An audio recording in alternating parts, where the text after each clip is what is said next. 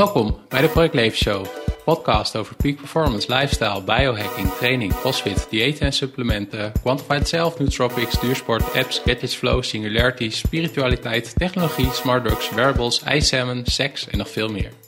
Mijn naam is Peter Joost. In deze podcast praat ik met Diekle de Vries. Hij noemt zichzelf Bitcoin Evangelist. De show notes kun je vinden op www.projectleven.nl slash bitcoin-podcast. We gaan het hebben over hoe kan het ook anders? Bitcoin, cryptocurrency, wat is Bitcoin überhaupt? Wat is het verschil tussen Bitcoin en Ethereum? Hoe werkt die onderliggende blockchain-technologie? Wat zijn miners precies? En wat voor mogelijke invloed kan blockchain-technologie hebben op de wereld? Wat ik nog wil zeggen is dat zowel ik als Liekle geen beleggings- dan wel financieel adviseurs of experts zijn. Tijdens dit interview zal Liekle ook zeggen: de allerbeste investering die je kan doen is jezelf te verdiepen in deze nieuwe revolutionaire technologie. En hoe kan je dat beter doen? Door te luisteren naar deze podcast, waarin je alles daarover komt te leren. Voordat we starten, nog een paar huishoudelijke mededelingen. Ga naar projectleven.nl/slash podcast voor een overzicht van alle podcast-interviews. Luister je deze aflevering in je favoriete podcast-app, vergeet je dan niet te abonneren op de Project Leven Show. Als je niks wil missen van de Project Leven Show, ga dan naar www.projectleven.nl. Daar kan je ook inschrijven voor mijn nieuwsbrief en als je dat doet, dan krijg je een gratis cheat sheet met 9 tips voor meer energie en meer focus. Op projectleven.nl vind je ook de links naar mijn social media kanalen, zoals Facebook en Instagram. Als je inschrijft, blijf je ook op de hoogte van al mijn persoonlijke experimenten, artikelen die ik schrijf, de vlogs en video's die ik opneem, de biohacking meetups die ik organiseer en de lezingen en presentaties die ik geef. Het maken van deze podcast vind ik echt fantastisch om te doen. En jij kan ook je steentje bijdragen aan de Project Leven Show. Ga daarvoor naar patreon.com slash projectleven. En Patreon schrijf je met P-A-T-R-E-O-N. Op Patreon kun je aangeven hoeveel euro per maand je kan missen voor de Project Leven Show. Dat kan zijn 1 euro per maand of 3,15 euro. En 3,15 euro is de prijs van 1 tol cappuccino bij de Starbucks. Je krijgt er ook nog leuke dingen voor. Denk bijvoorbeeld aan uitgeschreven transcripties van podcastinterviews, voor- en nagesprekken met podcastgasten, video's die ik maak alleen voor Patreon, een aankondiging van komende podcastgasten en de mogelijkheid om vragen in te sturen. En af en toe publiceer ik een concepthoofdstuk van mijn nieuwe boek. Check daarom na het luisteren van deze podcastaflevering patreon.com slash projectleven. Anyway, here we go. Goed, welkom bij de Project Leven Show. Vandaag de gast Liekle de Vries. Ik moest er eerst een beetje aan, aan wennen, aan Liekle. Dat is een bijzondere naam. Ja. Ehm, wil je jezelf kort introduceren? Wie ben je eigenlijk? Uh, ik ben Liekle de Vries. Ik ben op dit moment 47 jaar oud. Ja, 47. Um, opgegroeid in Delft. Daar heb ik ook gestudeerd in schilontwerpen. Mezelf getransplanteerd naar Groningen omdat ik hier in de buurt werk kon krijgen. En vervolgens ontdekt dat Groningen een ontzettend leuke stad is. En uh, sindsdien uh, woon ik hier en werk ik hier vandaan. Um, ik was industrieontwerper als ingenieur, maar dat heb ik uiteindelijk niet zo heel lang als vak beoefend. Um, ik ben op dit moment iemand die vooral kijkt naar wat er in de wereld verandert. En uh, ik geloof dat ik er best redelijk goed in ben om dat aan andere mensen uit te leggen. En ik vind het ook super leuk om dat te onderzoeken. Nou, hartstikke goed. Je mag mij zo meteen uitleggen wat Bitcoin, blockchain, cryptocurrency en uh, wat is het, scamcoins en zo zijn. Um, maar voordat we daarover gaan, uh, gaan praten, wat is iets waar jij gepassioneerd over bent, waar, wat er eigenlijk een beetje los voor staat? Of wat mensen eigenlijk niet weten? Um, wat mensen niet weten, maar waar ik wel gepassioneerd over ben. Ja. Um, nou, ik denk dat ik wat dat betreft redelijk transparant ben voor de meeste mensen. Um, maar soms verrassen, raken mensen wel verrast als ze merken hoe fel ik kan worden over um, dat de modellen waaraan we gewend zijn geraakt niet langer goed passen. En dat, dat voorbeeldsituaties zijn dat ik dan met een kennis of een bekende praat over iets wat in, op haar of zijn werk gebeurd is.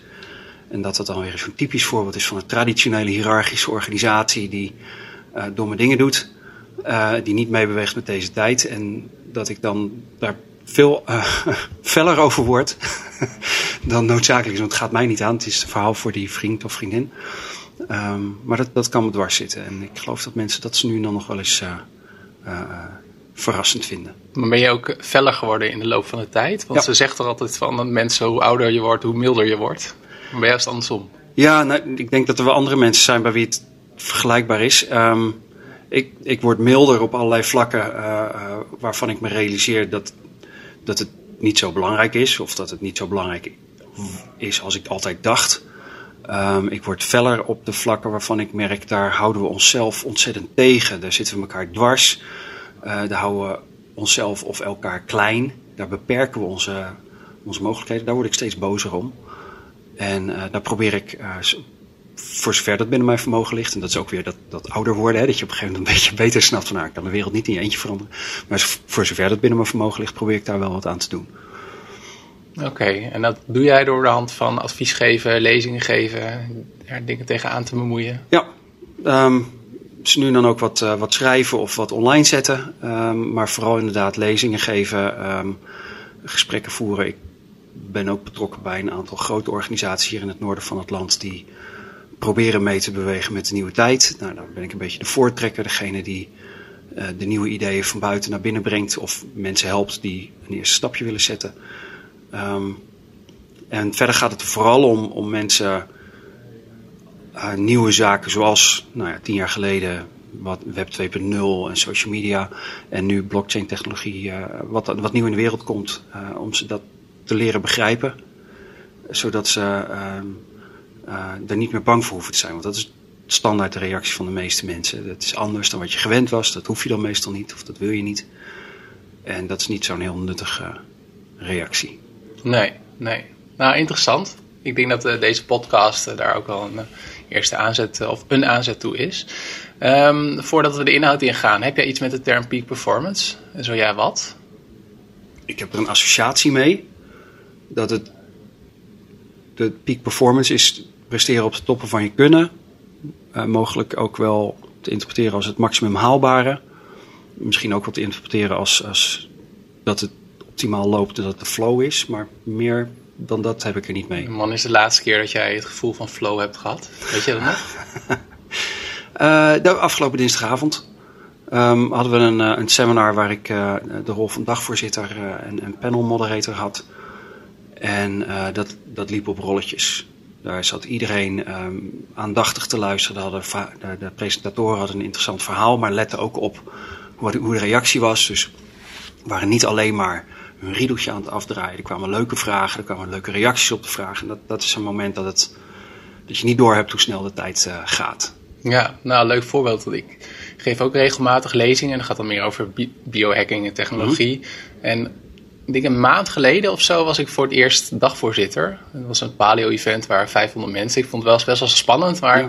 ik vond het best wel een leuke rol om dagvoorzitter ja. te zijn. Want je alles een beetje, ja, je houdt ook een beetje de flow in, in de dag of zo. En dan als het goed gaat, dan had ik, voelde ik zelf ook wel flow. Ja, leuk. Mag ik je een vraag terugstellen? Ja, tuurlijk. Uh, want waarschijnlijk had je dus ook wel kennis over uh, wat er die dag ja. besproken werd.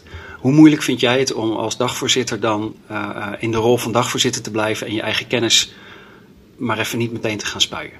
Ja, um, goeie. Um, het was wel fijn dat ik, wat dat ik er kennis over had, omdat ik um, de eerste vraag kon stellen aan de spreker. En nou, soms was het een redelijk simpele vraag, soms wat meer geavanceerde vraag. En dan kwam de rest ook wel op, uh, en de rest van het publiek ook. Maar soms was het inderdaad zo van, oh, ik zou nog veel meer dingen willen vragen. En dan uh, nou ja, moet je even ja, op je tong bijten. Ja, dat, nou, dat op je tong bijten, dat herken ik heel erg. Ja.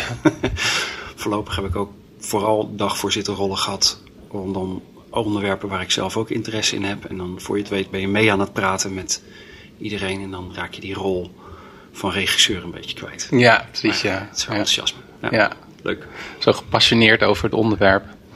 Um, ik heb de volgende vraag is van hoe heb je ontwikkeld tot waar je nu bent? Dus je noemde ook al Delft, industrieel ontwerp en zo. Maar ik ben eigenlijk wel benieuwd naar, ik wil de vraag even omdra uh, veranderen. Van wanneer was het eerste moment dat je van de term bitcoin of blockchain hoorde? Weet je dat moment nog? Um, ik weet wel het moment waarop ik dacht, nou moet ik erop gaan letten. Dus toen had ik, het, had ik de term bitcoin al eerder hoor ik voorbij zien komen. Ik denk dat, hè, ik vertelde kort over dat ik over Web 2.0 en social media ook wel lezingen gaf. Dus ik was vrij vroeg op Twitter en ik ben daar vrij vroeg allerlei mensen gaan volgen die ook wel redelijk ver vooraan liepen met nieuwe dingen. Dus ik denk dat ik op die manier, ik volgde allerlei blogs, ik denk dat ik op die manier de term al een paar keer gezien had. Maar het moment dat ik dacht, hé, hey, dit is belangrijk, was het moment dat uh, Matt Mullenweg, uh, de man achter WordPress, uh, blogde dat, dat je bij WordPress vanaf dat moment ook kon betalen met Bitcoin. En toen dacht ik, hé, hey, dus je kunt er echte dingen mee kopen. Voor zover, hè, voor zover een website of een, Word, of een blog een, een echt ding is. Um, dus kennelijk zijn er genoeg mensen die dit serieus nemen om het als betaalmiddel te accepteren. Dus nou moet ik er op gaan letten. En um, de term blockchain, die kwam veel later pas. Die kwam eigenlijk pas op het moment dat mensen wel geïntrigeerd waren door Bitcoin, maar liever geen Bitcoin wilden gebruiken. Of het woord Bitcoin liever niet wilden gebruiken. Bijvoorbeeld omdat het op dat moment geassocieerd werd met Silk Road en, en illegale handel uh, of, of, criminele activiteiten. Uh, dus, dus dat is dan weer, zijn we zo weer twee jaar later dan dat. Maar ik, dus ik denk dat, ik weet niet meer zeker wanneer WordPress dat aankondigde, maar dat was begin 2012 of zo. Dus in 2011 heb ik het voor het eerst een paar keer voorbij zien komen, vermoed ik. Ja. En welke vraag krijg je het meeste over cryptocurrency? Is het van de vraag die ik zou stellen van oké, hoeveel heb je er toen gekocht? ja, niet genoeg. Nee, precies. nee, um, die vraag krijg ze nu en dan. Um, en ik snap dat mensen die vraag stellen, maar uh, ik heb twee redenen om daar geen concreet antwoord op te willen geven. Ten eerste gaat het niemand aan wat ik aan bezitting heb, of dat nou bitcoin is of iets anders. Uh, en ten tweede vind ik blockchain en bitcoin vind ik vooral interessant vanwege de technologie. En uh, dat het dan ook wat waard wordt en dat je het wellicht als manier kan gebruiken om te beleggen of, of je vermogen te vergroten. Dat, dat is een bijeffect van dat die technologie werkt. En die technologie die is fundamenteel anders dan wat we gewend zijn. En dat is wat mij interesseert. Dus um, hij mag van, bitcoin mag voor mij best naar uh, 30.000 euro of 100.000 euro per stuk gaan. Daar word ik zeker niet verdrietig van. maar dat is niet het belangrijkste aspect van cryptocurrencies voor mij. Nee, en welke vraag krijg je dan het meest over cryptocurrency? Nou, ik merk dat heel veel mensen um, toch struikelen over, ja, maar hoe kan ik het dan vertrouwen? Uh, ook nadat ik ze heb uitgelegd hoe de technologie werkt, dat de meeste mensen echt moeite hebben om uh, uit het oude paradigma te komen dat iets vertrouwd is omdat er een organisatie achter staat die een directeur heeft en dat die organisatie gevestigd is in een land waar wet en regelgeving is en waar de staat een bepaalde mate van veiligheid en zekerheid weet uh, te realiseren. En dat dat allemaal gestapeld hun model van vertrouwen vormt. En dat ze dan mij horen vertellen dat in het geval van Bitcoin en andere cryptocurrencies dat er zo'n partij er niet is. Dat we met elkaar de software vertrouwen die door honderden andere mensen die we niet kennen in elkaar gezet wordt, waarvan een heel aantal ook nog wel met pseudoniemen werkt en zo, dat we nog niet eens zeker weten wie ze in het echt zijn. En dat, we dat, en dat, dat vinden ze dan echt moeilijk. En ik vind dat een, een fascinerend fenomeen. Want vanaf het moment dat ik me in Bitcoin ben gaan verdiepen, ben ik ook gaan kijken van hoe zit het eigenlijk met ons geld. En ik moet in alle eerlijkheid zeggen dat de manier waarop we op dit moment met onze euro's omgaan, het meeste is, is natuurlijk digitaal. Dat gebeurt in je online bankomgeving en in je apps. En er, zijn, er is steeds, meer, steeds minder uh, gelegenheid om, om, om je fysieke geld te gebruiken. Juist die wereld van de euro's is er eentje die, die volledig op blind vertrouwen gebaseerd is. Uh, want die euro die, die heeft geen achterliggende waarde. Er, er, ligt geen staaf goud meer in de kluis die ervoor garant staat. Uh, je hebt de mensen die op Cyprus wonen hebben in 2007 of 2008, wanneer was het? 9, uh, meegemaakt hè, dat, dat het land in grote economische problemen was en dat er een een bail-in werd gedaan. Dus dat gewoon hun spaartegoeden, daar werd wat van afgehaald om het tekort van de overheid maar even aan te zuiveren. Dat, niemand realiseert zich dat dat soort dingen uiteindelijk ook in Nederland zou kunnen gebeuren. Dat jouw geld helemaal niet van jou is, maar van de bank.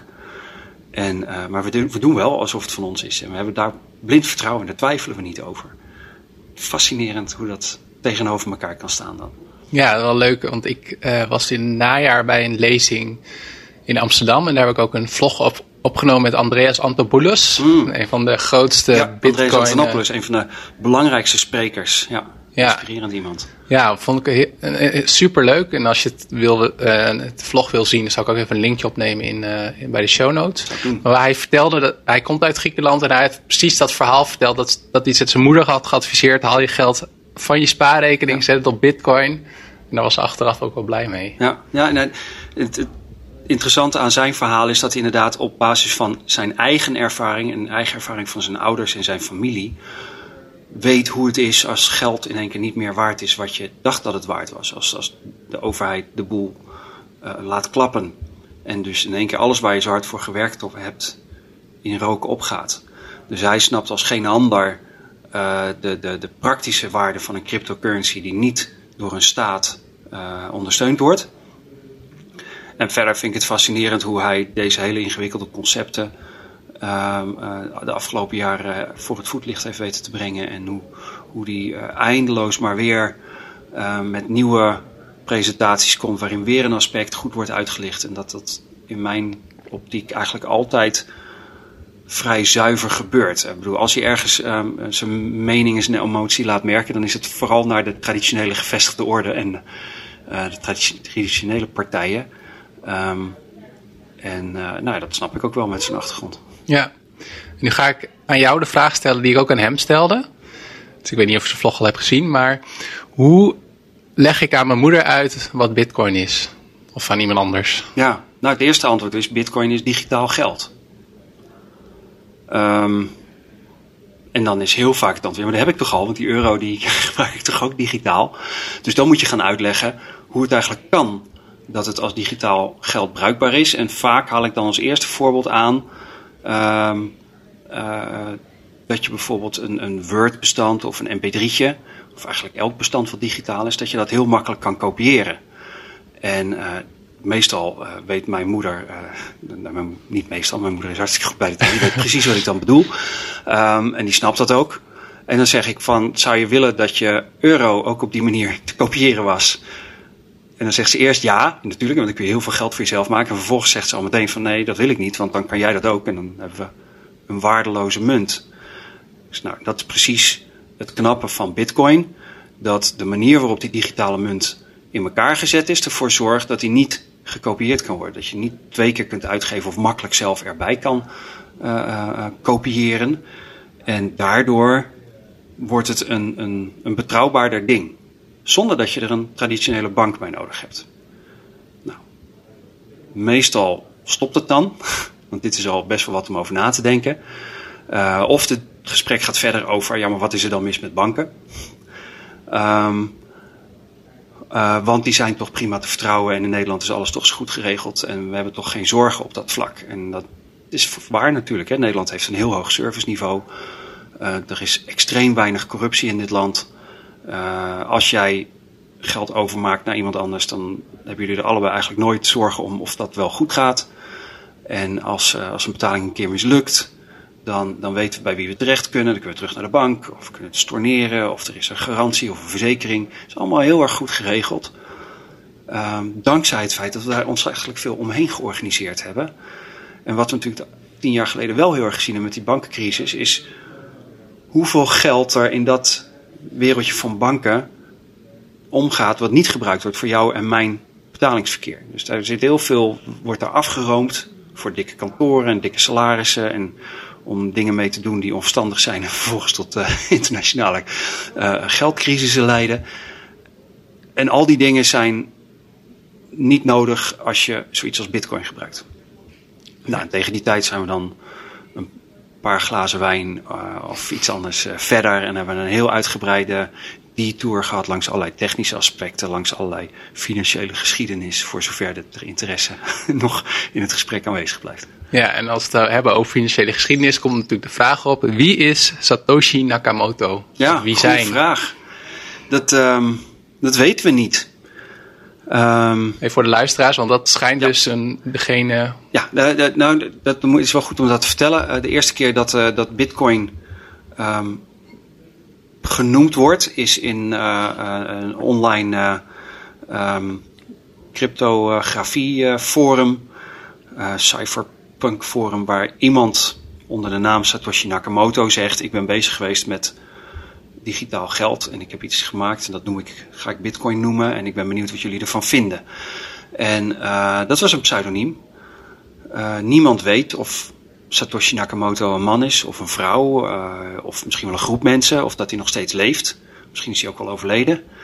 Uh, sommige mensen gaan heel ver. Die zeggen, nou, het is vast een, een alien of, of iemand vanuit de toekomst die de tijdmachine heeft gevonden en ons uh, deze het belangrijke cadeau van een cryptocurrency gegeven heeft. Nou ja, dat kan allemaal waar zijn totdat we een keer uh, met zekerheid bewezen krijgen hoe het echt zit. Uh, maar het is een onbekend iemand uh, waarvan we weten dat hij de software, de eerste versie daarvan ontwikkeld heeft. Dat hij een whitepaper geschreven heeft en heel veel online correspondentie, e-mails en dergelijke en forumbijdragen waarin hij uitgelegd heeft waarom die dingen zo gedaan heeft als, daar, als het uiteindelijk geprogrammeerd is.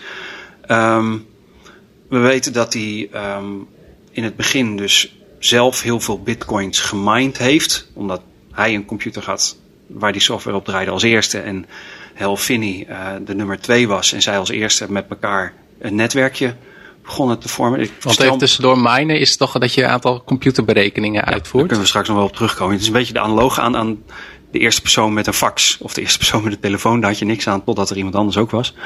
Um, uh, dus we weten dat Satoshi Nakamoto uh, iets in de orde grootte van, uh, nou de berekeningen variëren, maar ergens tussen een half miljoen en drie miljoen bitcoin zou moeten hebben.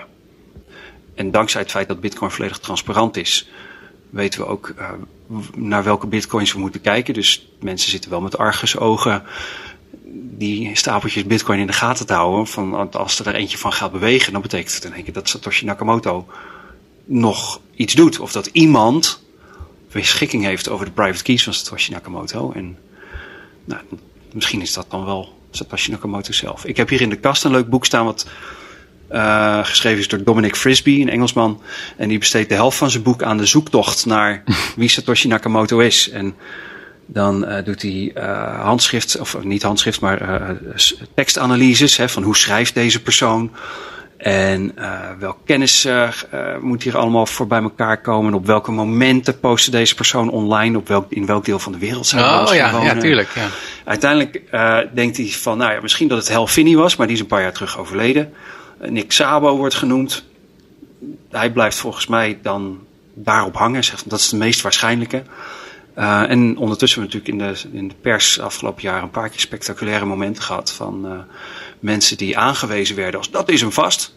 Of mensen die zelf zeiden, laatst hè, Craig Wright, die zelf zeiden van ik ben Satoshi Nakamoto. En die daar heel ver in gingen, zelfs een paar mensen wisten overtuigen. Um, maar waar iedereen toch nog steeds van denkt, nee, kan niet waar zijn. Kan niet waar zijn. Hij heeft het niet goed genoeg bewezen. En het is een rare vent ook, nog een keer. dus ja. we weten niet wie het is. Nee. En dit voorjaar had ik ook een uh, biohacking meetup georganiseerd met Krijn Soeteman vertelde daarover bitcoin en blockchain. En die zei ook van, het is ook niet zo heel interessant om het te weten. Nee. Ben je het daarmee eens? Sterker nog, ik denk dat het heel belangrijk is dat we niet weten wie het is. Um, want er zijn twee redenen voor. Op de fiets zat ik er nog over na te denken. Ik weet in ieder geval, de eerste weet ik nog, dus daar begin ik maar even mee. Um, de eerste is uh, dat uh, die persoon dus een enorme hoeveelheid bitcoin in zijn portemonnee heeft zitten. Die op dit moment dus, uh, nou ja, 2.500, bijna 3.000 euro waard zijn. Dus nou, doe maar een half miljoen of 3 miljoen keer dat bedrag. Het is een fenomenaal vermogen. en rijke mensen zijn traditioneel mensen die makkelijk doelwit worden van allerlei nare activiteiten. Dus dat is een hele goede reden om anoniem te willen blijven. Maar de, voor mij meer sprekende reden zou zijn dat. Um, uh, nee, er zijn drie redenen. De, de, de, tweede reden die heel erg voor de hand ligt is in de tijd dat deze software ontwikkeld werd, was het nog lang niet zo zeker of je er niet ook voor vervolgd zou kunnen worden. Of overheden niet zouden zeggen: hey, dat soort software dat vinden we te gevaarlijk om te laten bestaan. Dus we gaan jou uh, in de gaten houden en opsluiten of zo. Ja. Dus ook een goede reden om het onder pseudoniem te willen doen. En de derde is en die spreekt me het meeste aan, uh, dat Satoshi Nakamoto, wie of wie dat dan ook was of waren, zich realiseerde dat als dit straks groot wordt, dan heeft het alleen betekenis als er echt een gemeenschap omheen ontstaat. En er gaat een moment komen waarop mensen zich afvragen: oeh, moeten we nou bij de volgende stap moeten we nou linksaf of rechtsaf? En uh, belangrijke beslissingen die enorm veel impact zouden kunnen hebben op de kwaliteit van het hele netwerk van Bitcoin. En als dan bekend is wie de vader van Bitcoin zou zijn, en als die nog aanspreekbaar zou zijn, dan zou diens mening onevenredig veel gewicht hebben. Um, uh, en dat, dat zie je ook. Je, er is een heel groot debat gaande over hoe Bitcoin nou moet schalen, zodat er meer transacties per seconde mogelijk worden. En daar wordt in dat debat wordt nog steeds door een paar mensen ook verwezen naar, ja, maar Satoshi schreef toen dat en dat, dus hij, hij zou dit en dit liever zien dan dat andere. Ja, en dat weten we niet meer. We moeten het nu met elkaar oplossen. Uh, er staat tegen andere mensen zeggen, ja, maar de wereld van, uh, van Linux heeft Linus Torval. Dat is een heel zichtbaar iemand en dat gaat ook hartstikke goed. Um, maar daar hangt toch niet op dezelfde manier zoveel financieels vanaf. En ik denk dat hier ook echt een hele nou, vrij anarchistische, libertarische grondslag onder ligt. Dus ik kan me ook gewoon voorstellen dat iemand was die zei: nee, uit overtuiging vind ik het niet belangrijk dat men weet wie ik echt ben, want dit moet van de groep zijn. En uh, ik wil mijn volledige vrijheid hierin houden. Dus ik wil ook niet het risico lopen dat ik op een gegeven moment gecornerd word en dat mensen dingen van mij gaan verwachten die ik op dat moment niet meer wil. Ja, ja. Lang antwoord. We weten niet wie het is. Ik denk dat het heel nuttig is dat we niet weten wie het is. Ik denk dat het heel verstandig is voor die persoon om die beslissing genomen te hebben. En stiekem blijf je natuurlijk wel nieuwsgierig. Ja, precies ja. Je noemde ook Nick Sabo. Nog wel leuk, de Tim Ferriss Show. Een van de laatste mm. afleveringen werd hij geïnterviewd. Dus als je dit tof Samen onderwerp vindt... Ravikant. Dat is echt een fenomenaal interessant interview. Ja, ja en deze ook. Maar als je nog meer wil, dan die andere. Ja, nou ja, Nick Sabo is al zo'n zo'n uniek mens die een, een hoeveelheid kennis en inzicht en ervaring bij elkaar brengt die, die jij en ik, nou ja, laat ik voor mezelf spreken, die ik nog niet in vijf levens eh, bij elkaar uh, zou kunnen brengen, denk ik. Uh, maar sommige mensen zijn zo. En de creatie van Bitcoin is op een vergelijkbare manier geniaal. In dat, dat heel veel van de technologie die erin zit, die was al decennia oud, die was wetenschappelijk al helemaal uitonderzocht. Alleen niemand had er nog aan gedacht om het op deze manier in elkaar te haken en een wereld te creëren waarin uh, miners uh, dag, dagen achtereen, zeven dagen per week uh, service ontzettend intensief rekenwerk laten doen, zodat ze een netwerk kunnen onderhouden waar jij en ik het vertrouwen kunnen hebben dat onze Bitcoin-transactie vlekkeloos verloopt. En dat we dat kunnen doen zonder dat we elkaar kunnen aanspreken op verantwoordelijkheden als we dat traditioneel gewend waren met banken en, en bedrijven de manier waarop dat in elkaar gezet is, dat, dat, dat is een soort van inzicht waar, eh, waar echt wel wat genialiteit uh, voor mij uitspreekt. En tegelijkertijd zien we nu ook in de praktijk wel aan allerlei kleinere aspecten dat uh, die genialiteit niet overal even groot was. Want er zitten op het gebied van de cryptografie zitten echt een paar onhandige dingen in Bitcoin. Waarvan men nu zegt: ja, shit, dat zit er zo diep in. Dat is eigenlijk bijna niet op te lossen. Daar moeten we dan maar mee leren leven. Of we moeten nog heel lang geduld hebben voordat er een betrouwbaar alternatief komt wat ook geaccepteerd kan worden door de rest van de community. Dus fascinerend. Ja, wat ik wel heel ook interessant vond aan het gesprek is uh, dat hij, dat ging natuurlijk over de techniek en een aantal dingen die wij bespreken. Maar hij heeft ook heel erg geïnteresseerd vanuit zijn uh, achtergrond, vanuit het recht en vanuit uh, geld. Wat is geld eigenlijk en waarom gebruiken we dat? Dus uh, dat is wel heel erg leuk. Ik uh, ben wel benieuwd, want je noemde mining al even, je noemde ja. blockchain al even. Kun je me uitleggen wat dat is, allebei? Ja, ik, ik kan in ieder geval een poging doen. Um, hè, we hadden het er net over dat, dat bitcoin betrouwbaar is. Uh, dat we niet, ons niet hoeven af te vragen of de transactie gelukt is. Um, en een belangrijke manier waarmee dat voor elkaar komt is door die blockchain. Keten van blokken.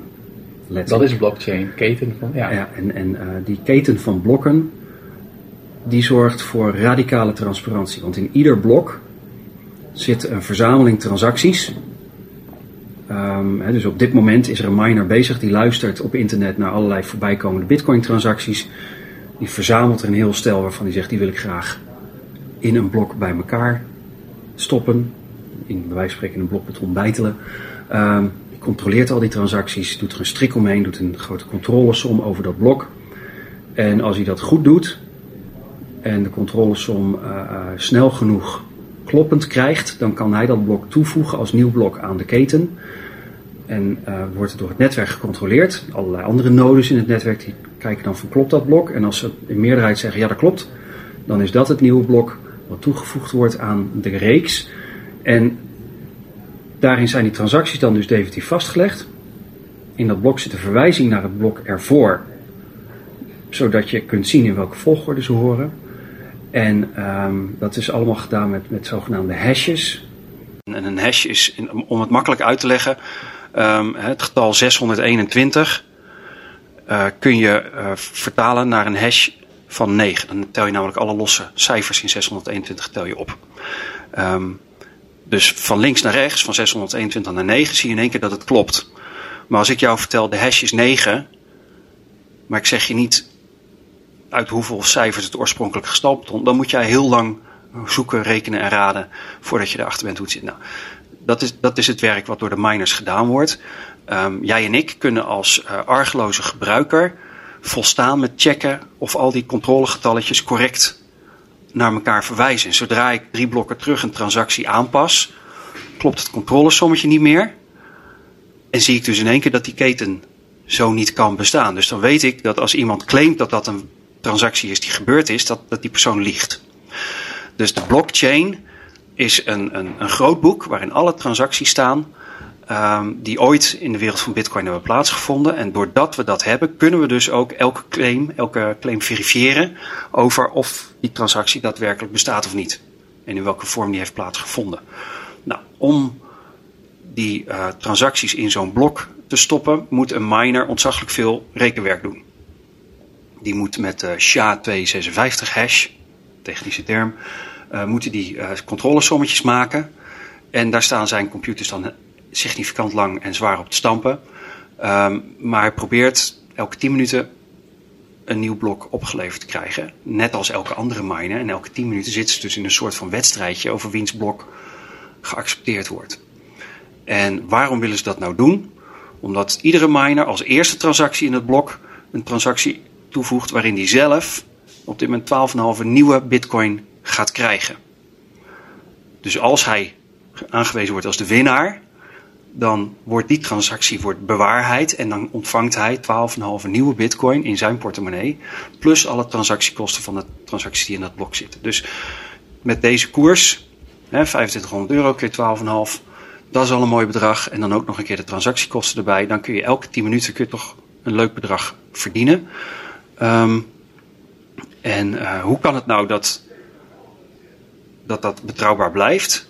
Nou, de rekenkracht die je elke 10 minuten nodig hebt om die sommetjes te maken is zo groot dat als ik besluit om het vorige blok aan te passen. Ik heb, ik heb in de vorige 10 minuten heb ik jou een transactie gedaan en ik denk nu, ja, ik ga die bitcoin ga ik ook naar uh, iemand anders overmaken. Dan moet ik dus niet alleen heel het rekenwerk van dat blok opnieuw doen, maar ik moet ondertussen ook het hele rekenwerk doen van het blok wat in de tussentijd toegevoegd is. En ik moet het zo snel doen dat ik het vooraan het derde blok gepubliceerd krijg, zodat het netwerk de tijd heeft om die nieuwe blokken in die nieuwe reeks te accepteren als de nieuwe toevoeging aan de blockchain. Nou, dat vraagt een rekencapaciteit die um, in alle redelijkheid niet op te brengen valt uh, zonder een waanzinnige investering in, in middelen en technologie. En als je die investering wel zou willen opbrengen, dan heeft dat als gevolg dat daarna iedereen denkt: wacht eens even, wat is hier gebeurd? Dit, het werkt niet meer. Iemand is in staat om uh, de geschiedenis te vervalsen. Dus die hele blockchain kunnen we vanaf nu niet meer vertrouwen. Dus we moeten maar ergens anders heen. Ja. Dus als iemand dat geld zou besteden aan zo'n soort aanval, dan kan die er eigenlijk alleen maar voor zorgen dat we Bitcoin als systeem de rug toekeren. Dus dan maakt hij het voor het gebruik kapot. Dus dan heeft hij niks gewonnen. Ja, ja. Ik weet niet of ik het nou goed voor je heb uitgelegd. Nou, ik, uh, ik snap het wel nou ja, dat klinkt wel heel arrogant, maar ik denk dat wel dat ik, ik ben er al een tijdje mee bezig. Ik, was, ik kwam voor het eerst in aanraking met bitcoin in, uh, in de zomer, vorige zomer. Toen gaf ik een lezing op een festival in Antwerpen over biohacking ging dat dan. En de spreker ervoor of daarna hadden het over bitcoin. En die vertelde het verhaal van de eerste 10.000 bitcoins. Er is een pizza voor gekocht en zo, van dat soort dingen. Maar die vertelde ook dat er nu in China gewoon hele... Um, energiefabrieken staan die gewoon een, een computer, ja, ik zie dat dan, een computer of computers, een mining computer aan. Dus ook geopolitiek heeft Bitcoin en blockchain een enorme impact. Ja, en dat is een ontwikkeling die, die denk ik niet helemaal uitgepakt heeft zoals Satoshi Nakamoto dat gehoopt had. Hè? Want in het begin kon jij gewoon op je eigen computer um, bitcoins minen. Dan zette je eerst je gewone uh, computer aan en later installeerde je een stevige grafische kaart. En dan kon je gewoon dat, dat bitcoin minen kon je zelf doen. Maar op een gegeven moment ontstonden er specifieke stukken hardware waarmee je nog veel sneller en harder kon rekenen. Die werden ook duurder om te kopen. En um, voor je het wist, moest je inderdaad een, zeecontainer vol aan, aan uh, serverrekken uh, installeren met alle koeling die erbij hoort. En dat vreet natuurlijk een vermogen aan energie. En dan wordt de prijs van energie heel belangrijk. Uh, en in China zijn meerdere plekken waar al wel energiecentrales staan, maar de stad die erbij hoort nog gebouwd wordt en de energie op dit moment dus gewoon nagenoeg gratis wordt weggegeven. Uh, dus op dit moment is het inderdaad zo dat we verhoudingsgewijs veel miningbedrijven uh, in China hebben zitten. En je je dus kunt afvragen of Bitcoin als systeem daardoor niet kwetsbaar is voor de invloed van de Chinese overheid tot nu toe zien we daar weinig bewijzen van. Anders dan dat de Chinese overheid, net als in heel veel andere landen, op een gegeven moment wel geïnteresseerd is geraakt. En bijvoorbeeld aan bitcoin exchanges en bitcoin miners heeft laten weten van nou we gaan jullie in de gaten houden. Dus uh, hou je cijfers netjes en uh, zorg dat je je klanten kent. En, uh, maar er zijn nog geen bewijzen gevonden dat ze um, invloed hebben op de code van Bitcoin bijvoorbeeld. want dat is open source code die wordt geschreven door een paar honderd, of daaraan wordt geschreven door een paar honderd mensen van over de hele wereld. En uh, ja, wat dat betreft is internet natuurlijk uh, grensloos, zonder grenzen. Uh, maar persoonlijk zou ik het wel fijn vinden als de boel zich zo ontwikkelt dat je op een gegeven moment ook op andere plekken weer economisch succesvol bitcoins kunt minen. Want hoe diverser het netwerk is, hoe uh, beter het bestand zal zijn tegen uh, zware klappen. Stel dat de Chinese regering in één keer radicaal anders gaat optreden en, en bijvoorbeeld miningbedrijven gaat sluiten. Nou, dan raken we een hoop rekenkracht in het netwerk kwijt en dat kan niet goed zijn voor de betrouwbaarheid. Nee. En het klopt ook dat er ook een beperkt aantal bitcoins ooit gemined kunnen worden, toch? 21 miljoen, zoiets? Precies 21 miljoen. Oh, precies 21 is het maximum aantal bitcoins dat gemined kan worden. En dat is het resultaat van een hele slimme oplossing, ook weer van Satoshi Nakamoto. Die moet in de begintijd gedacht hebben dat hij wel een mooi systeem had ontworpen, maar dat je je kon afvragen waarom een miner nou uh, zijn computer zo hard wilde laten werken om al die transacties te verifiëren. En toen heeft hij bedacht, nou dan moet er een beloning in zitten, simpel. En wat is het makkelijkste, wat heb ik weg te geven? Helemaal niks, want uh, ik heb geen bedrijf wat mensen kan betalen. Maar als dit werkt, dan zijn die bitcoins zelf waardevol. Omdat je bitcoins nodig hebt om transacties mee te kunnen doen. Dus uh, voor ieder blok is er een beloning. En in de eerste instantie was die beloning 50 bitcoin per blok. Dus kon je elke 10 minuten kon je 50 nieuwe bitcoin krijgen als je succesvol minde. En over tijd neemt die beloning telkens af met de helft. Dus daarna is een periode 25 geweest. Nu zitten we in een periode van 12,5. En met nog een keer 2,5, 3 jaar halveert die beloning nog een keer. Uh, net zolang totdat we op een gegeven moment, en dat is in het jaar 2140, uh, 21 miljoen bitcoins hebben en dan stopt die beloning. En dan hou je als miner alleen nog maar de transactiekosten over om je geld mee te verdienen. Nou, dan zijn we een dikke eeuw verder. Tegen die tijd is het, als het dan nog bestaat, is het vast een goed uitgebalanceerd systeem waar een miner met alleen de transactiekosten ook prima uh, een boterham kan verdienen. Ja. Ik ben straks nog wel benieuwd naar verdere blockchain uh, ontwikkelingen, maar ik heb nog wel een paar vragen over, over de cryptocurrency, dus hè, de blockchain als gebruik voor, uh, voor geld, om het zo maar even te zeggen. Um, wat is het verschil tussen Ethereum en Bitcoin? En ik, je mag het ook al, want ik heb, ik heb zelf ook Dash en Ripple. Ja. Gewoon omdat ik het leuk vind om te testen. Uh, dus je hoeft er niet van mij heel specifiek. Maar wat, waarom? Er zijn heel veel uh, ja. cryptocurrency. Ja, en precies. Nou, bekend, ja. ik, uh, ik, maak wel eens het grapje. Hè? Een koe is een zoogdier, maar niet alle zoogdieren zijn koeien. het is nu een beetje zo alsof we elk beest koe noemen. Wanneer we zeggen dat is een blockchain. Want er zijn heel veel verschillende vormen. Um, het makkelijkste verschil om te duiden tussen Bitcoin en Ethereum is dat bijvoorbeeld bij Ethereum de cyclustijd 12 seconden is in plaats van 10 minuten. Um, dat uh, er een ander hashing protocol gebruikt wordt, waardoor het zo snel kan. Um, en dat bij Ethereum er geen eindige aantal Ether ingeprogrammeerd is, zoals bij Bitcoin.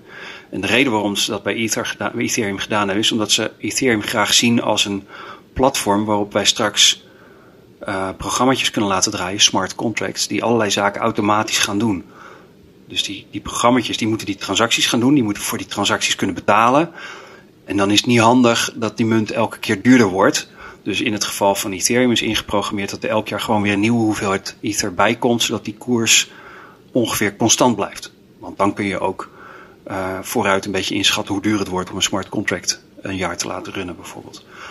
Uh, dat is een makkelijk manier om het verschil te duiden. Um, een ander belangrijk verschil tussen Bitcoin en Ethereum is dat in het geval van Ethereum er een Ethereum Foundation is, een stichting gevestigd in Zwitserland, die zich ten doel heeft gesteld om die software verder te ontwikkelen. En die ook uh, vorig jaar op een gegeven moment hard heeft ingegrepen toen er iets misging met een bepaald smart contract. En uh, vervolgens de codewijziging heeft doorgevoerd, waardoor. Is dat een fork? Ja, een hard fork, waardoor allerlei transacties vanaf een bepaalde datum niet langer geldig waren.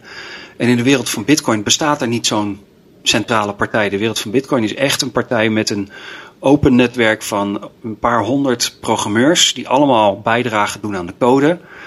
En dan uiteindelijk uh, wordt dat, als dat voldoende getest is en geaccepteerd wordt, wordt dat samengevoegd en komt er weer een keer een nieuwe versie van Bitcoin uit. En degene die dat doet, is niet de eindbaas. Die, die, ja, die, compiled de definitieve set, maar die, die geeft geen orders aan iedereen over wat er wel of niet kan of inkomt. Dus dat zijn belangrijke verschillen tussen Bitcoin en Ethereum. Um, uh, Dash, moet ik heel eerlijk beginnen, weet ik zelf niet zo heel veel van. Ripple bestaat ook al best een tijd, uh, maar is in de huidige vorm uh, geen blockchain. is wellicht interessant voor banken om hun onderlinge transacties sneller mee te laten lopen, maar heeft niks te maken met een cryptocurrency zoals Bitcoin of Ethereum dat zijn. En dan heb je het al. Hè? Dus uh, dat is alsof uh, koeien en vogels en, en, en, en, en katten allemaal met één term proberen aan te duiden. Het zijn echt heel verschillende soorten beestjes. Ja, ja. En uh, we hadden, ik had ook gedeeld op Twitter dat, we, dat ik dit gesprek zou voeren. En ook op mijn Patreon-account. Um, en daar kwam ook de vraag van hoe zit het met al die scamcoins? Ja. Laten we eerst de term even uitleggen. Hè. Ja, op een gegeven moment was er Bitcoin. En dat was open source software. En toen zeiden mensen van, nou, dat vind ik een leuk idee, maar ik vind dat het anders moet werken. En toen was voor al die mensen was het natuurlijk heel makkelijk om die source code te downloaden, aanpassingen te maken en hun eigen nieuwe coin uh, uh, in het leven te roepen. Uh, Litecoin is zo'n voorbeeld. Het werkt exact hetzelfde als Bitcoin, maar het zijn er 84 miljoen en het heeft een cyclustijd van 4 minuten. Dus Litecoin noemt zichzelf wel het zilver tegenover het goud van Bitcoin. Uh, maar er zijn ook hele, hele, exotische varianten gemaakt. Er is zelfs een Kanye coin ooit een keer gemaakt door een Nederlandse jongen. Uh, er is een Doji coin bedacht. Die echt eigenlijk alleen maar bedoeld was als een soort van, van dikke grap. Maar nou, uiteindelijk was er wel een Olympisch team wat daarmee naar de Olympische Spelen gebracht werd. Jamaicaanse bobsleeteam, als ik me niet vergis. Dus dat ging toch in één keer over echte dingen.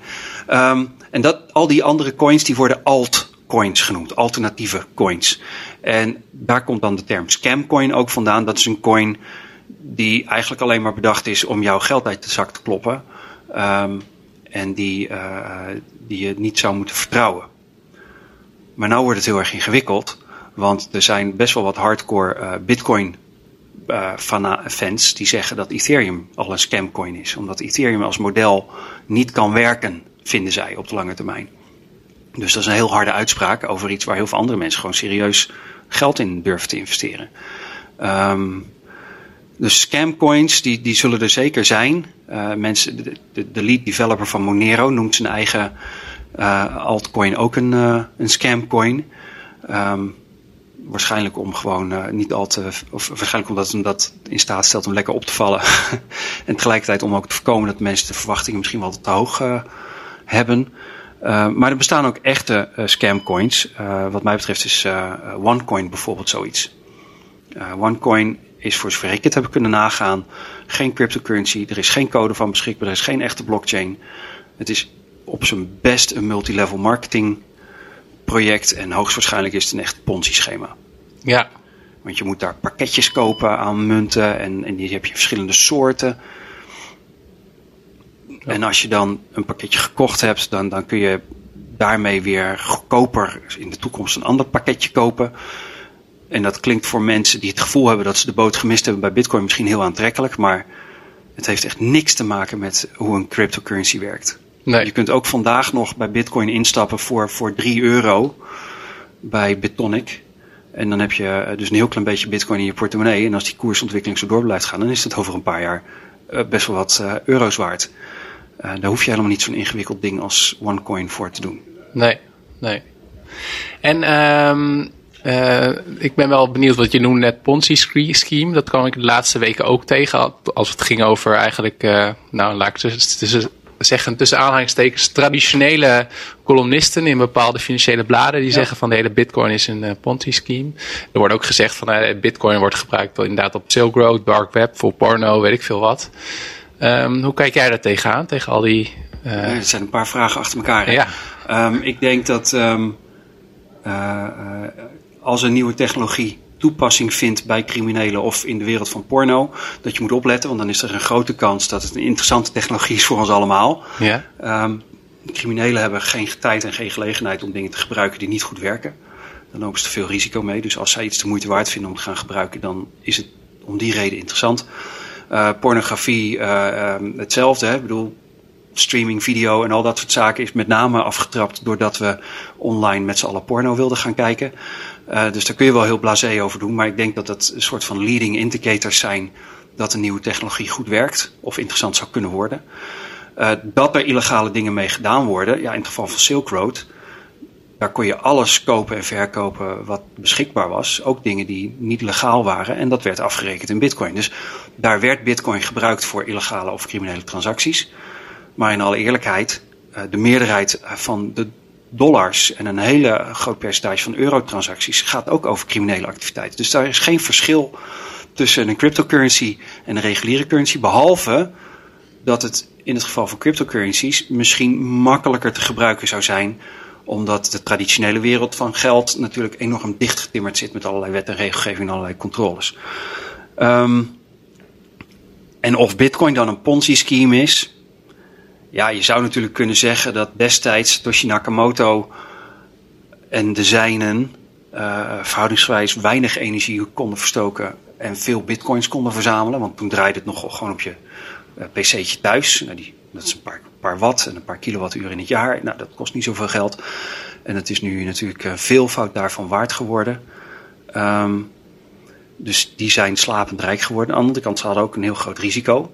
Dat het helemaal niks waard zou worden. En dat ze die computer voor niks hadden laten draaien. Dat ze alleen maar een soort van wetenschappelijk interessant experiment gedaan hadden. Uh, dus dat mag je ook denk ik wel zien als een beloning die vergelijkbaar is met de, starter van een bedrijf. Die daar jarenlang uh, zijn eigen tijd in stopt zonder dat hij beloning krijgt. En op een gegeven moment een dikke order krijgt. En uh, dankzij zijn aandelen uh, multimiljonair kan worden. Ja, ik weet niet. Ik vind dat niet anders.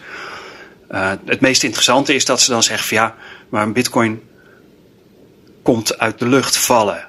Er staat niks achter. En dat is nou juist de grap. Die computers die hebben gewoon serieus zoveel kilowattuur aan energie staan verstoken om al die sommetjes te maken. En dat is een heel wat serieuzere inspanning om tot de creatie van een bitcoin te komen.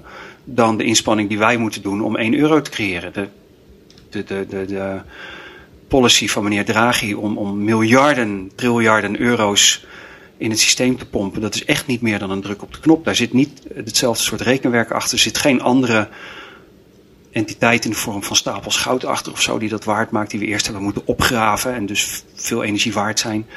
Of veel energie hebben gekost. Dus um, ik denk dat die mensen vooral redeneren vanuit een traditionele paradigma. En het gewoon niet kunnen herkennen voor wat het in mijn ogen betekent. Nee, nee, precies. En uh, ik, ik heb zelf Bitcoin en ik vind het echt super handig, want ik laat veel dingen, uh, zoals ook het bewerken van de podcast, laat ik door iemand in Amerika doen. En uh, iemand in Bangladesh maakt mijn website. En toen had ik met hem ook een deal gemaakt. En nou ja, je moet je voorstellen dat ik mijn, mijn bankrekening, een bankrekening in Bangladesh moet benaderen. Ik zou niet, god niet weten hoe dat moet. Nee. Maar echt binnen, met Bitcoin was het gewoon binnen een seconde geregeld, zeg maar. Dat brengt mij echt tot de vraag van wat zijn, wat, wat, wat heb jij allemaal gekocht met Bitcoin? Ook al een keer een koffie of zo, of weet ik veel? Ja, nog niet zo heel erg veel inderdaad. Ik, uh, um, ik heb er een keer, um, we hadden hier vorig jaar in Groningen een, een avond over blockchain en bitcoin. En daar moest pizza voor besteld worden. Dus toen ben ik bij thuisbezorgd.nl heb ik uh, 25 pizza's besteld. En die heb ik toen voor de lol maar een keer afgerekend in bitcoin. Uh, achteraf denk je dan, ja, dat is ook zonde, hè? ja. Net als die 10.000 bitcoin voor twee pizza's van lang geleden. Um, ik heb er wel eens een keer een biertje mee afgerekend. Um, en verder heb ik wat ik aan Bitcoin heb, heb ik omdat ik dan dus ook zelf de ervaring heb van hoe het is om een wallet aan te maken en om een transactie te doen en ervoor te zorgen dat je een goede backup hebt en dat ik weet waar ik het over heb. Um, dus zelf doe ik er niet zo heel veel mee, maar het soort voorbeeld wat jij geeft, die, die ken ik. Uh, dat, dat veel meer mensen zeggen, nou, dit, dit maakt het mij heel veel makkelijker om internationaal iemand ergens voor te betalen. Um, en uh, uh, daar hoef je zelfs, daar hoef je dus geen crimineel voor te zijn om dat interessant te vinden. Dat je alleen al het praktische probleem inderdaad van geld internationaal overmaken is, is best groot. En daar is zoiets als bitcoin een prima alternatief voor. Ja, ja. En um, en deze podcast... Maar wat voor afspraak heb je, met heb je met hem gemaakt, met die mensen, persoon in Bangladesh? Dat je, heb je een vaste bitcoin hoeveelheid afgesproken per keer? Of reken je dat je wel per keer terug naar wat je anders in dollars of euro's zou betalen. Wel naar dollars en ja, euro's, ja. dat is verstandig. dus dat kwam wel goed uit. Uh, nou ja, ja, hij heeft, nou ja, ja. Hey, en, uh, Ondertussen, als hij ze bewaart, ja, heeft hij het voordeel er nog steeds van. Dat wou ik net zeggen, ja. Ik ben wel benieuwd, want als ik heb over bitcoin en investeringen, en ik zal het ook eh, bij de intro zeggen, van het is geen beleggingsadvies wat we hier geven. Um, maar ik hoor altijd van, nou de beste investering die je kan doen is ook je gewoon uh, verdiepen in bitcoin en kijken wat het is. Ja. Um, en als iemand daar nu luistert en die wil gewoon wat jij zegt, die 3 euro aan bitcoin hebben. Om gewoon even te kijken wat het mm. is. En daar misschien, uh, nou, op mijn site kun je ook allemaal digitale producten met uh, bitcoin kopen. Dus kun je het gelijk proberen. maar uh, hoe, hoe, ja, wat zou je die mensen zeggen om even te starten? Nou, ik, ik ben het wel eens met wat je net zei. Dat de, de, de allerbeste investering is je gaan verdiepen in hoe deze technologie werkt. Omdat dat een investering is in begrijpen in welke nieuwe toekomsten er mogelijk worden voor ons op deze planeet. En wellicht leidt je dat nog weer tot hele nieuwe inzichten en hele nieuwe manieren van je leven inrichten en invulling geven, die op een andere manier heel waardevol kunnen zijn. Als, het, als je kijkt naar geld, dan um, uh, is, nou ja, inderdaad, ik doe geen beleggingsadvies. Uh, anders dan zeggen, je moet er geen geld aan uitgeven wat je niet kan missen. Dus um, denk dan aan als je bereid bent om een keer een avondje uit te gaan met vrienden en uh, geld uit te geven aan lekker eten en drinken als je dat kan missen, zonder dat je er pijn van krijgt, nou, dan kun je zo'n bedrag misschien uitgeven aan wat bitcoin, wat ether, welke munten je ook maar Maar geen OneCoin dus? Zeker niet aan OneCoin doen, dat zou ik echt afraden. Um, maar je loopt dan wel een risico. Hè? Nu lijkt die koers hartstikke mooi omhoog te gaan, maar uh, die kan ook op een gegeven moment inklappen. Dat hebben we bij Bitcoin al een keer gezien. Het was al een keer 1000 dollar en toen klapte die terug naar 300 of minder zelfs. Um, maar als je het gedaan hebt met geld wat je anders in de fik had gestoken, zeg maar, ja, dan heb je geen onverantwoord risico genomen. Maar ga alsjeblieft geen geld lenen uh, om een investering te doen en, uh, en dan uh, enorme rendementen te halen en heel rijk te worden. Want dan hang je jezelf natuurlijk op als het misgaat.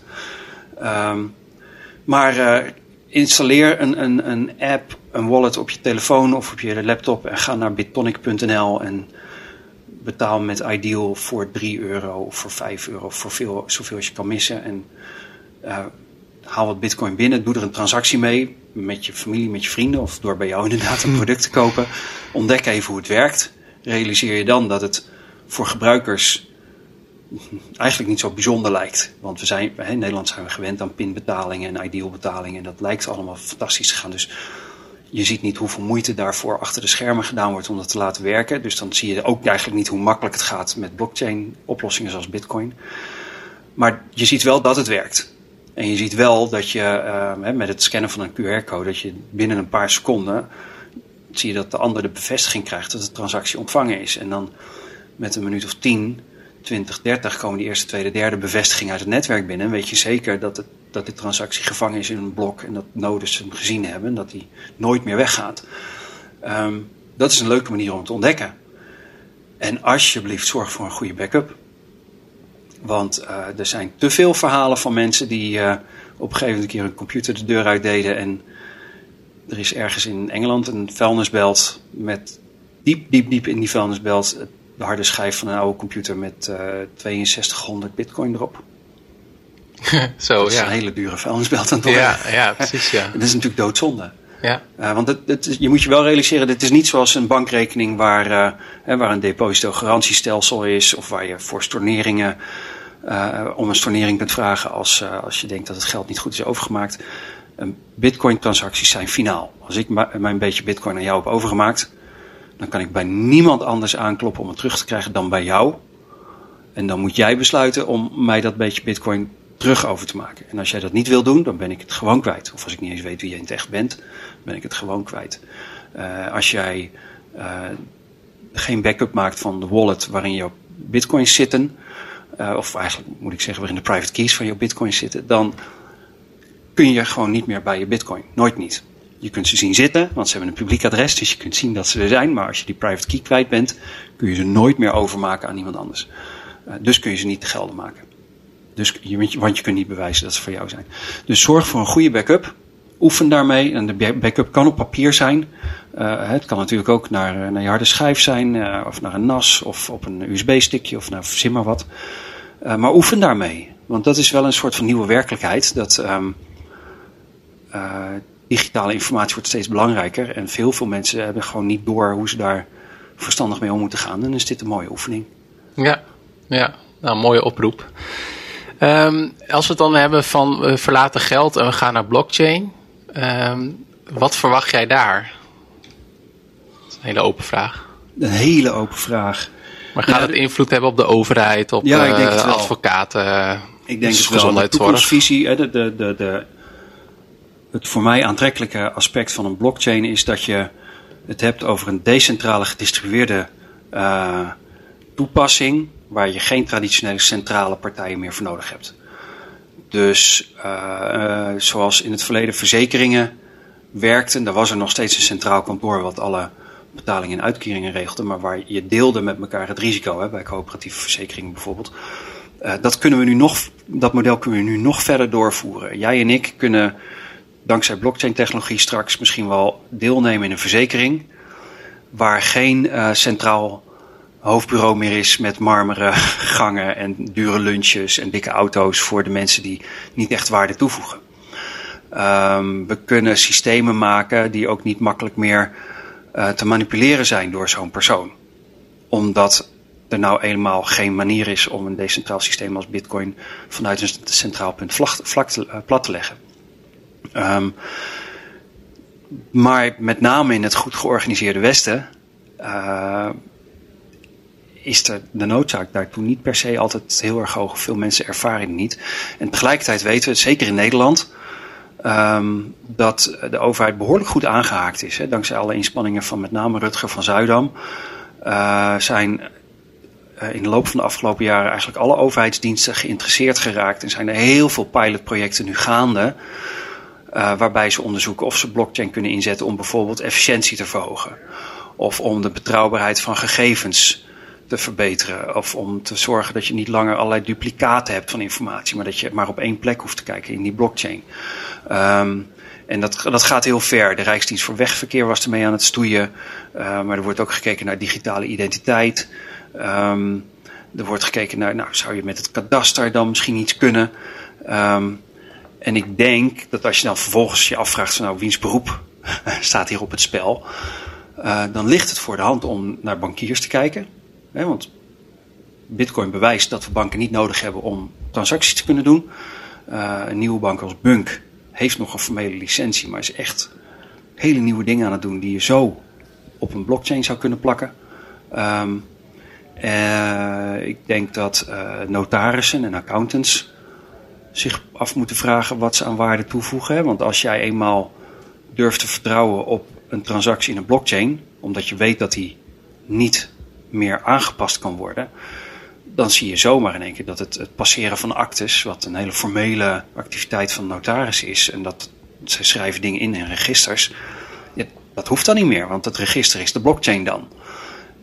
En tegelijkertijd een notaris heeft als het goed is ook allerlei verstand van allerlei uh, rechtelijke aspecten en juridische aspecten en noem maar op. Um, dat soort kennis, dat kun je niet in een blockchain stoppen. Dus ik, het kan ook zomaar zijn dat hun werk van vorm verandert, maar dat hun beroep niet uitsterft. Dat zou best kunnen.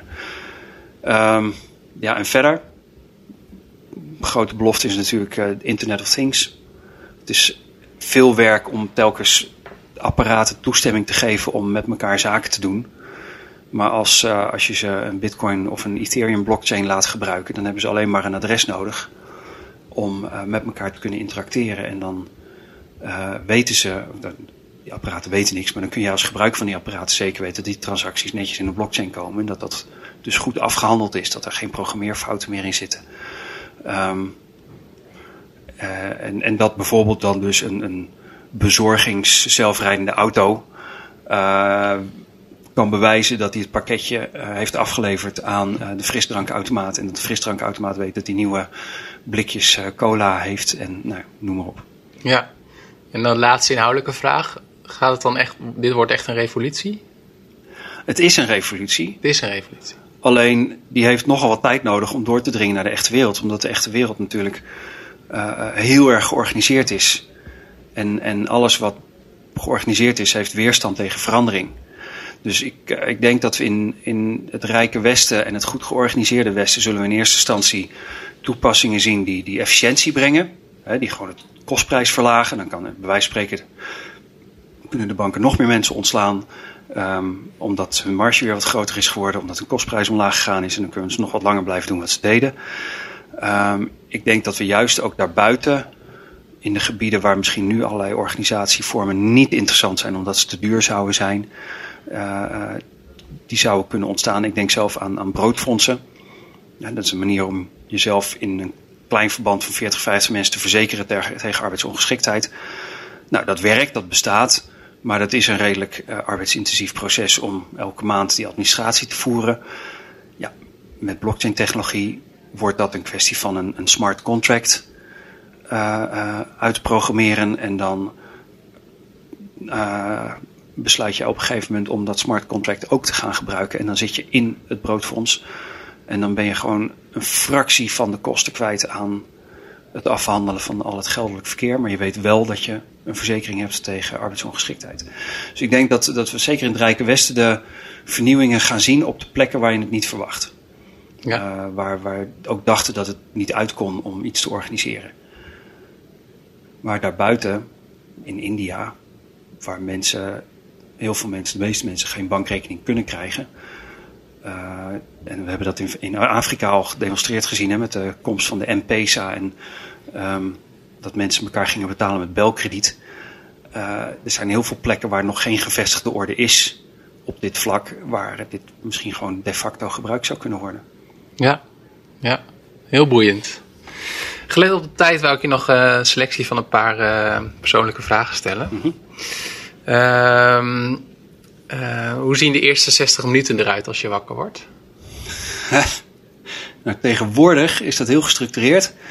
Um, ik sta op, ik geef mijn uh, dochter een schone luier, ik maak de fles en uh, geef haar de voeding.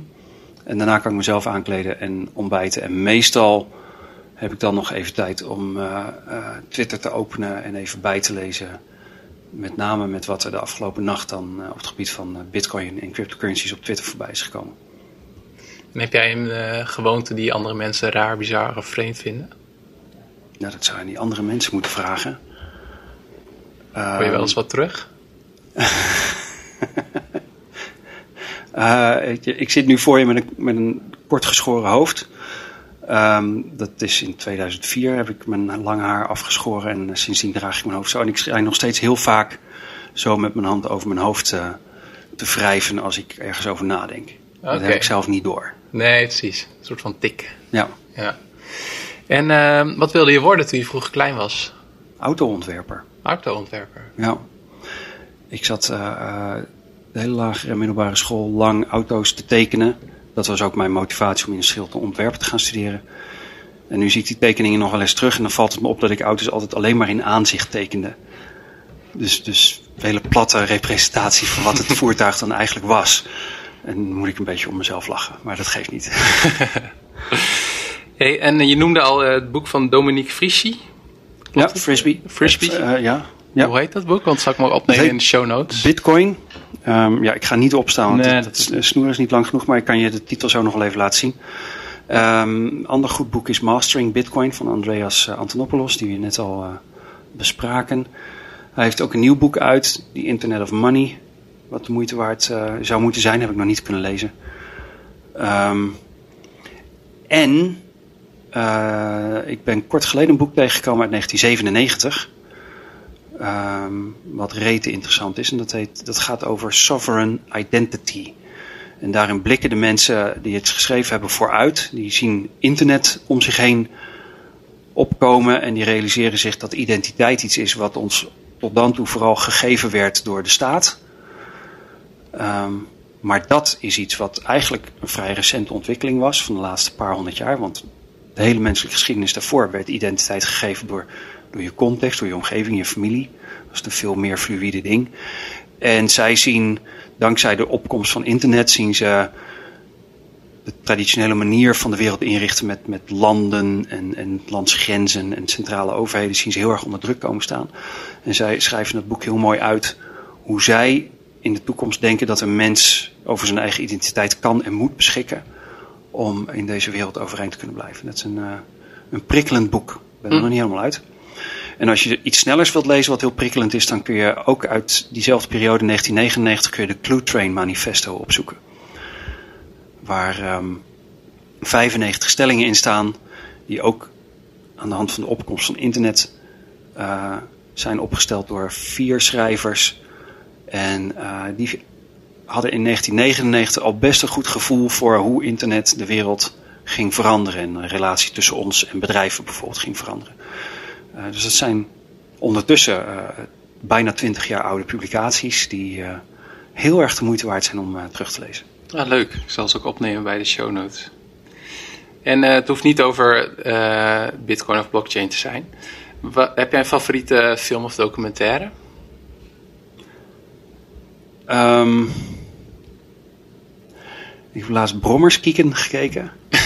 Die vond ik echt fascinerend leuk. Dus, een, een, Nederlandse omroep heeft er gemaakt. Ik weet niet of het VPRO was, zou kunnen. En ik, ik vind The Wire de allerbeste televisieserie die ooit gemaakt is. Oh ja. Um, films vind ik moeilijk om daar één favoriet in te noemen. Maar The Wire staat wel echt uh, op eenzame hoogte. Ja, dat is een politieserie. Het is een politieserie, um, maar de manier waarop de karakters erin worden uitgewerkt is het eigenlijk vooral een mensenserie. Hm. Want je hebt, je hebt politiemedewerkers en criminelen. Maar de serie laat zo duidelijk zien dat goed en kwaad geen zwart-wit is. Dat, dat goede mensen ook slechte momenten hebben. En dat slechte mensen ook hele goede momenten hebben. En dat het allemaal zo van de context afhangt. Hoe het uitpakt en hoe het later beoordeeld wordt. Dat, uh, dat zet me elke keer weer aan het denken. Vind ik mooi. En heb je een uh, favoriete website, blog of podcast? Laat ik hem dan speciaal, uh, behalve die van jezelf, maar waar mensen meer over Bitcoin en blockchain kunnen weten? Um, of jij volgt op Twitter? Die... Ja, nou, precies. Ik ben zelf, ik maak wel een podcast, Scheep aan de Horizon, maar ik luister ze weinig.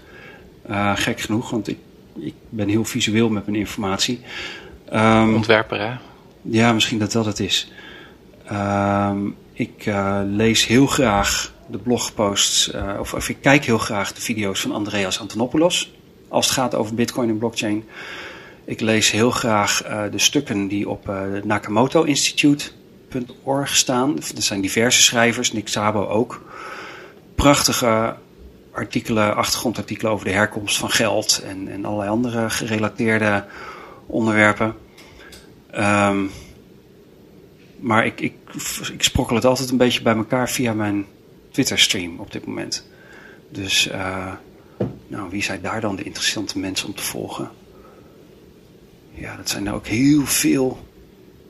Um, ik heb zelf altijd veel lol om, uh, om Erwin Blom. Uh, omdat hij ook al jarenlang er bovenop zit en allerlei verschillende nieuwe dingen voorbij komen. Zonder, en tegelijkertijd daar zelf ook. Uh, zijn, zijn, hij kan heel erg enthousiast zijn, maar wordt ook niet, gaat ook niet overboord. Hij blijft altijd lekker voorzichtig en nuchter en realistisch. En dat is heel leuk. Ja, we hebben het al even gehad over de eerste stap die mensen kunnen doen om ervaring op te doen met uh, Bitcoin en cryptocurrency. Is er nog iets anders wat je mensen zou willen meegeven als ze straks klaar zijn met het luisteren van deze podcast? Ja, um, dat is gerelateerd aan Bitcoin en cryptocurrencies, maar het gaat veel fundamenteler. Vraag je eens af, en dit wordt bijna filosofisch, maar vraag je eens af hoeveel bewegingsvrijheid je eigenlijk hebt. Kijk eens naar wat je elke maand aan geld binnenkrijgt en wat je aan geld uitgeeft. En probeer eens in te schatten hoeveel bewegingsvrijheid je daarmee eigenlijk hebt. Als de meerderheid van je geld opgaat aan vaste verplichtingen, hypotheek en allerlei andere zaken, dan kun je niet zomaar uit die situatie stappen. En als dan je inkomen zou wegvallen, dan heb je ook meteen een levensgroot probleem. Ik denk dat we, eh, en dat klinkt wat somber, maar ik denk dat we spannende tijden tegemoet gaan. Het zou zomaar kunnen zijn dat er nog weer een keer een, een tweede financiële crisis komt die in orde grootte een heel stuk zwaarder gaat zijn dan die van 2008.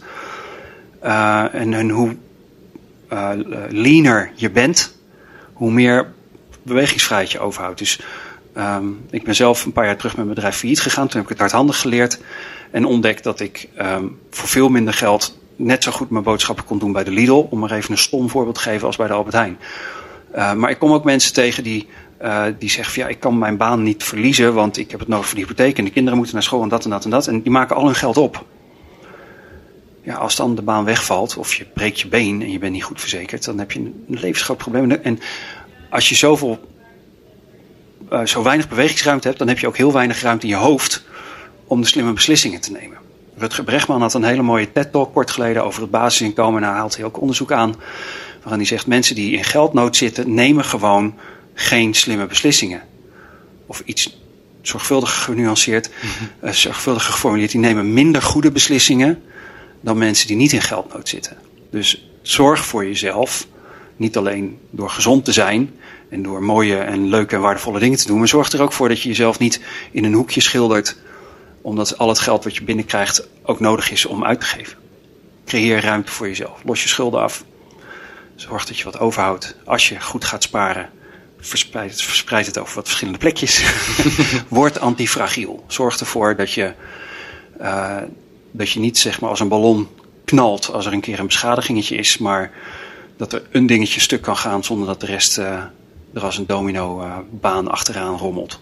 Ja, Anti-Fragile. Heb je dat boek ja. ook gelezen? Ja, Anti-Fragile van Nassim Taleb ja. is een heel erg belangrijk boek voor mij geweest. Ja, Oh, leuk. Ik heb hem ook gelezen. Ik vond hem soms wel taai. En, uh... Ja, ik, ik, ken genoeg mensen die na 40 bladzijden dachten, weet je wat, laat maar. En het, de man is ook onuitstaanbaar ja. arrogant. Maar het is een, het, de fundamentele gedachte daar is, diversiteit is belangrijk om te kunnen overleven. Na, naarmate alles meer monovorm, of in dezelfde vorm komt, uh, uh, wordt het risico ook veel groter dat als zoiets dan een keer stuk gaat, dat alles stuk gaat.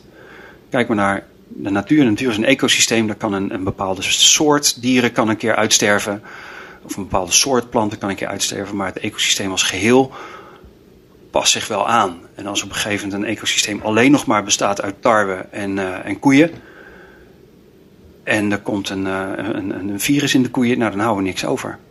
Dus zorg dat je leven wat dat betreft divers is. Dat je je waarde vanuit verschillende bronnen haalt. Dat je waarde ook niet alleen maar zit in geld, maar ook in menselijk contact. Uh, zorg dat je niet alles nodig hebt om uh, van dag tot dag te kunnen leven. En zeker als het gaat over investeringen, uh, investeer met een grote upside en een kleine downside. Dus als je 100 euro te besteden hebt, besteed dan 90 euro aan hele steady aandelen die niet zoveel rendement opleveren. En besteedt maar 10 euro aan hele risicovolle dingen die misschien massief winst kunnen opleveren, maar die misschien ook wel volledig in rook op kunnen gaan. Zoals Bitcoin. Zoals Bitcoin. Dan ben je nooit meer dan die 10 euro kwijt. Maar heb je misschien wel de plus van een paar duizend keer 10 euro als, als je goed gegokt hebt. Ja. Dus wees verstandig. Laat jezelf niet gek maken. Zorg goed voor jezelf. Nou, mooie oproep. Um, de laatste drie vragen. Is er iets wat we hebben gemist in het gesprek wat je nog wel graag wil benoemen? Als het gaat over Bitcoin, blockchain of iets? Uh, nou, wat belangrijk is om, om te in je achterhoofd te houden bij alles wat te maken heeft met blockchain en cryptocurrencies. Het is nog hele jonge technologie. De, de whitepaper van Satoshi Nakamoto was uit 2008. De eerste software implementatie was 2009. Uh, dat is nog maar 8, 9 jaar geleden. Um, en, en kijk, denk nog maar even terug als je oud genoeg bent aan hoe je nu internet gebruikt en hoe het er in 1992 uitzag. Uh, en, en, dat we ons voor de eeuwwisseling niet konden voorstellen dat we allemaal met mobiele telefoons zouden lopen. Het is nog hele jonge technologie die zich nog heel ver gaat ontwikkelen. Dus uh, verwacht er niet de wereld van. Wees beducht op dat het nog even tegen kan vallen of dat Bitcoin misschien niet het ding gaat zijn, maar iets anders.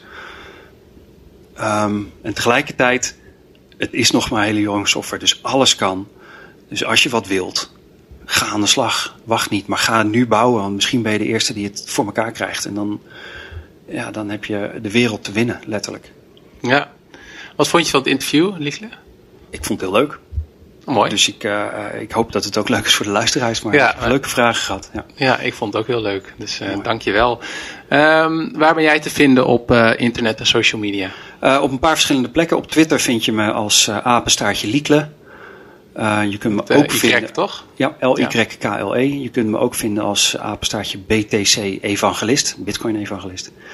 Uh, Liekledevries.nl kun je mijn eigen site vinden op Thesis One, T-H-E-S-I-S-O-N-E.com. Vind je uh, wat we als bedrijf doen op het gebied van Bitcoin en blockchain, allerlei filmpjes, allerlei achtergrondartikelen. Ik ben niet langer te vinden op Facebook, dus daar hoef je niet naar me te zoeken. Scheep aan de horizon, de podcast bestaat daar wel. Um, en ik zit op LinkedIn. Nou, hartstikke goed. Dus wie mij wil bereiken, kan vast via een van die kanalen contact krijgen. Ja. Nou, dankjewel Liekle voor dit gesprek. Alsjeblieft. Bedankt voor het luisteren naar de Project Leven Show. Wat ik leuk vind is als je een beoordeling of review op iTunes achterlaat. Je kan mij ook een e-mail sturen op peter.projectleven.nl Ga naar patreon.com slash projectleven om de podcast te steunen en om toegang te krijgen tot alle uitgeschreven transcripts van de interviews, audio-opnames van voor- en nagesprekken met de gasten, mogelijkheid om vragen te stellen aan komende gasten en exclusieve concepthoofdstukken van mijn nieuw boek. Oh ja, vergeet niet om naar projectleven.nl te gaan voor meer informatie over mijn nieuwsbrief, mijn e-book, de biohacking meetups, de Super Lifestyle Summit, volgende podcastafleveringen en nog veel, veel meer.